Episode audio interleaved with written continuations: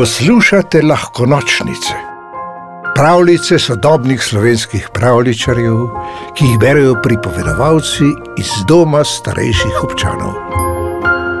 Zmaj Kihaj in senjeni nahod.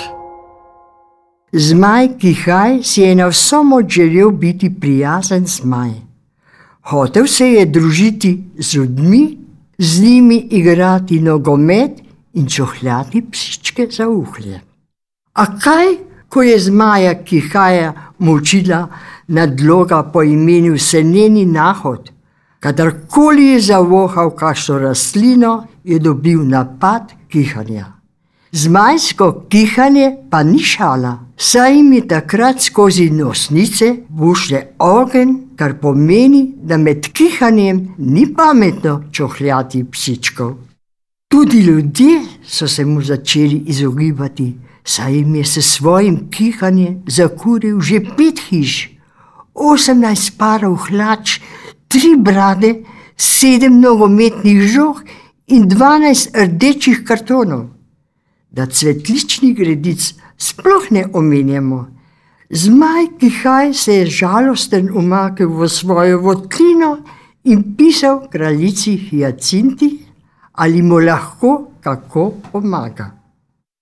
Ko je kraljica prejela njegovo pismo, je takoj sklicala svet učenjakov, modrijanov in coprnikov, da bi mu pomagali. Zmaj Kihaj je bil namreč najboljši igralec nogometa, daleč naokoli, in z njim v moštvu je bila Hyacintina kraljevina na prvem mestu lestvice. Modri možje in žene so staknili glave, tuhtali sedem dni in sedem noči, na kar so se osmi dan vrnili k kraljici z rešitvijo.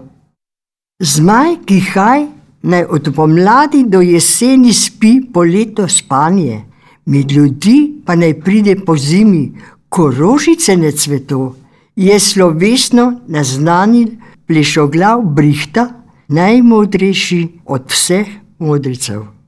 Kraljici, ki je na svojem prestolu jedla sladoled, se je zaletelo. Kaj se vam je vsem zmešalo?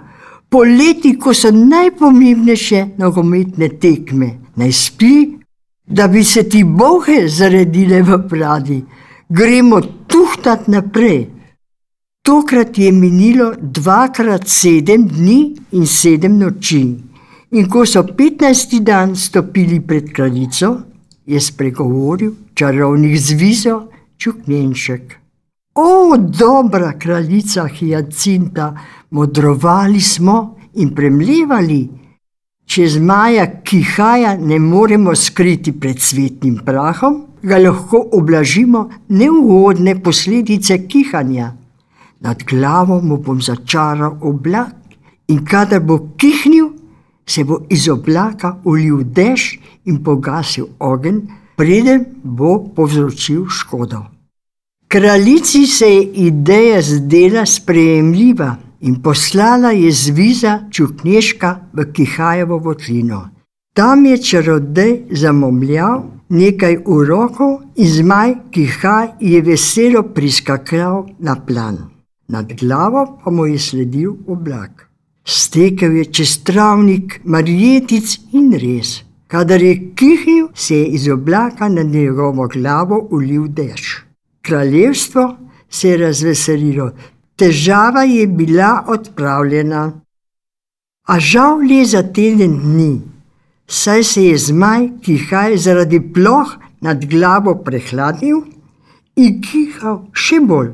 Pravzaprav sploh ni več nehal kihati. Zvizo je očaral oblak in jezno žvečil svoj coprniški klobuk, saj ni več vedel, kaj naj. Kraljica Hyacinta mu jih je ravno hotela napeti, ker je zaradi njegove zamisli zmaj zbolel na dan pred pomembno nogometno tekmo, ko je nekdo podsukal za Gorinjano. Bil je mlad pastir, v raztrganih lačah. Kaj hočeš, je osorno vprašala. Mislim, da imam rešitev za zmaja, ki haja, je rekel pastir. Ti, najmodrejši moški in ženske v kraljestvu, mu niso znali pomagati, pa mu boš ti? Veste, tudi mene muči se njeni nahod. Tako si pomladi in poleti v nosnice stlačim kroglice ovčje volne, pa cvetni prah ne pride do mene. Mislim, da bi za kihaja morali ostriči tri ovce, a je vedno poskusiti. Kraljica je sklenila, da nima česa izgubiti, in je ukazala ostriči tri ovce iz kraljeve črede, ki so imeli še posebej mehko in voljno volno, namenjeno za kraljevske polovarje in zimske nogavice. Dvorna predica je volno spredla v ogromni bunki in naslednji dan so jo s kraljevsko kočijo odpeljali do Kihajeve jame. Urno si jo je vtaknil v nos, kraljica Hyacinta pa mu je v preizkus pred obraz pomolila šopek orhidej. Zame se ne bi bilo treba, hvala, je bil navdušen zmaj. Vzel jih je kraljici iz rok in odnesel v vazo, kihnil pa ni. Hurra, je zopila množica, zbrana pred zmajevo votlino. Zmaj kiha je zdrav, skrajni čas je, je rekla kraljica Hyacinta. Čez dve uri imamo nogometno tekmo z moštvom grofa von Sauerkrauta.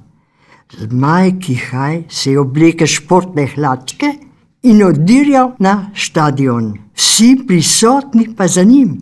Glasno so vzklikali njegovo ime, še najglasneje kraljica Hyacinta, ki se ni več bala, da letos ne bi postali prvaki. Pravljico napisal Boštjan Gorenc, pižama, pripovedovala Mara Gostinčer. V deželo princesk, zmajev, gozdnih vil in ostalih čarobnih biti ste vabljeni vsak večer.